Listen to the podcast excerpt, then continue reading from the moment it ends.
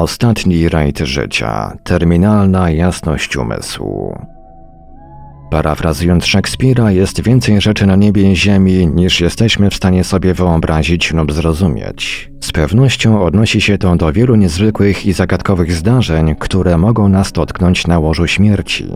Obecnie większość ludzi słyszała o wizjach na łożu śmierci, w których pojawiają się zmarli krewni, postaci znane z religii, zwierzęta lub przyjaciele, a także o przeżyciach z pogranicza śmierci, w których ktoś był umierający albo już umarł, opuścił ciało, doświadczył zaświatów i powrócił do życia. Istnieją jednak również inne szczególne doświadczenia z końca życia, które są mniej znane, ale nie mniej intrygujące. Jedno z takich zjawisk ma wiele określeń. Nazywane jest ostatnim hura, ostatecznym pożegnaniem, czy też końcem rajdu życia. W języku polskim istnieje również określenie syndrom gasnącej świecy.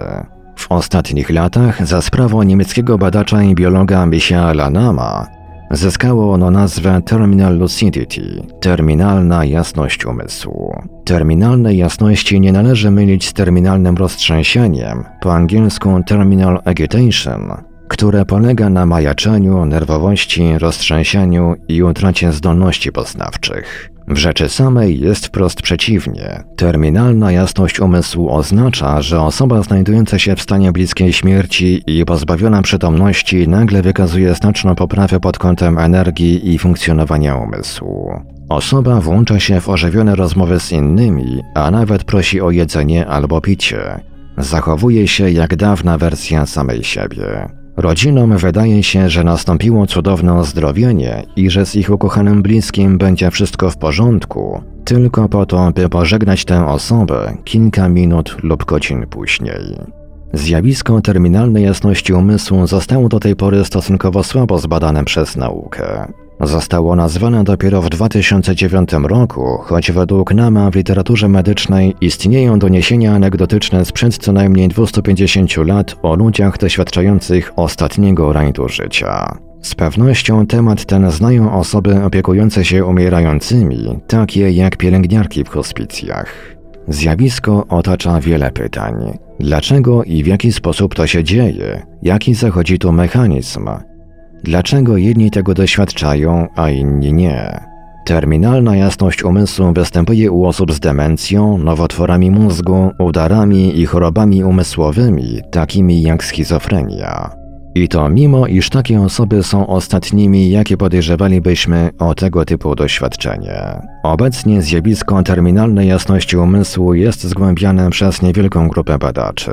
Poza namem dane na ten temat starał się zebrać Aleksander Betiani z Wiednia. Do tej pory otrzymał niewielką liczbę odpowiedzi na rozesłane przez siebie kwestionariusze. Choć wyniki zdecydowanie nie są ostateczne, spośród 227 badanych pacjentów z demencją terminalna jasność umysłu wystąpiła u około 10%. Na podstawie przeprowadzonego przez siebie przeglądu literatury, NAM stwierdził, że około 84% pacjentów doświadczających terminalnej jasności umysłu umiera w ciągu tygodnia, z czego 42% odchodzi w ten sam dzień. Badania te sugerują, że normalne zdolności kognitywne mogą wystąpić pomimo poważnego uszkodzenia mózgu. Jak to jest możliwe, że osoba, której mózg został silnie uszkodzony w wyniku choroby, na łożu śmierci nabiera jasności i staje się kontaktowa? Nam podaje przykład 91-letniej kobiety, która przez 15 ostatnich lat życia cierpiała na chorobę Alzheimera.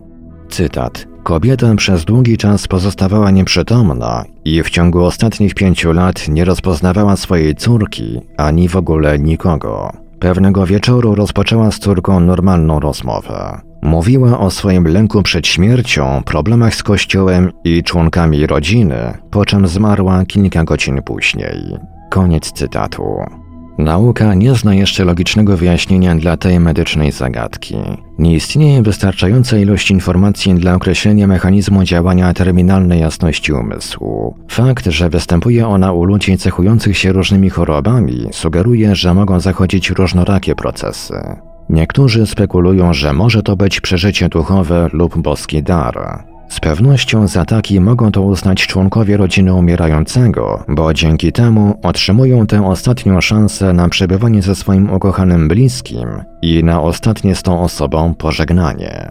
Zarówno członkowie rodzin, jak i opiekunowie, którzy byli świadkami takiego stanu, twierdzą, że to doświadczenie odmieniło ich. Wyjątkowe doświadczenia, takie jak terminalna jasność umysłu, wizje na morzu śmierci czy doświadczenia z pogranicza śmierci, rodzą pytania co do tego, czy umysł rzeczywiście stanowi wytwór mózgu. Niektórzy filozofowie i teologowie teoretyzowali, że świadomość znajduje się poza mózgiem. Postulowano to jako wytłumaczenie doświadczeń z pogranicza śmierci. Obyśmy pewnego dnia znaleźli odpowiedzi na te nietypowe pytania. Do tego czasu, jeśli przebywasz ze swoim ukochanym bliskim w końcówce jego życia i masz szczęście być przy tej osobie podczas przeżywania przez nią takiego doświadczenia, uznaj to za ostatni podarunek i smakuj te momenty. Umierający, doświadczający takich rzeczy wydają się przeżywać własną śmierć w sposób spokojniejszy, podczas gdy będący przy nich członkowie rodziny mówią, że te szczególne ostatnie chwile z nimi spędzone pozostają w ich pamięci na zawsze.